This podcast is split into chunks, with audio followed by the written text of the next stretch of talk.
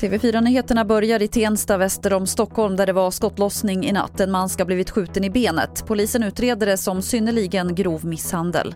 Även i Gävle och i Trelleborg har det varit skottlossning men där ska ingen ha kommit till skada. Det finns inga uppgifter om gripna i någon av städerna.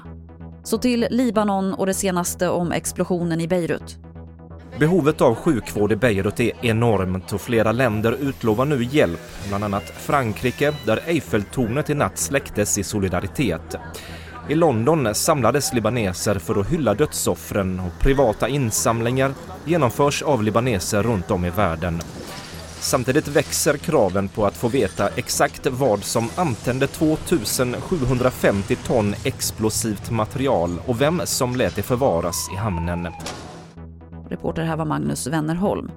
Och till sist kan vi berätta att Facebook har plockat bort ett inlägg från USAs president Donald Trump om coronaviruset. I ett klipp säger Trump att barn är så gott som immuna mot covid-19.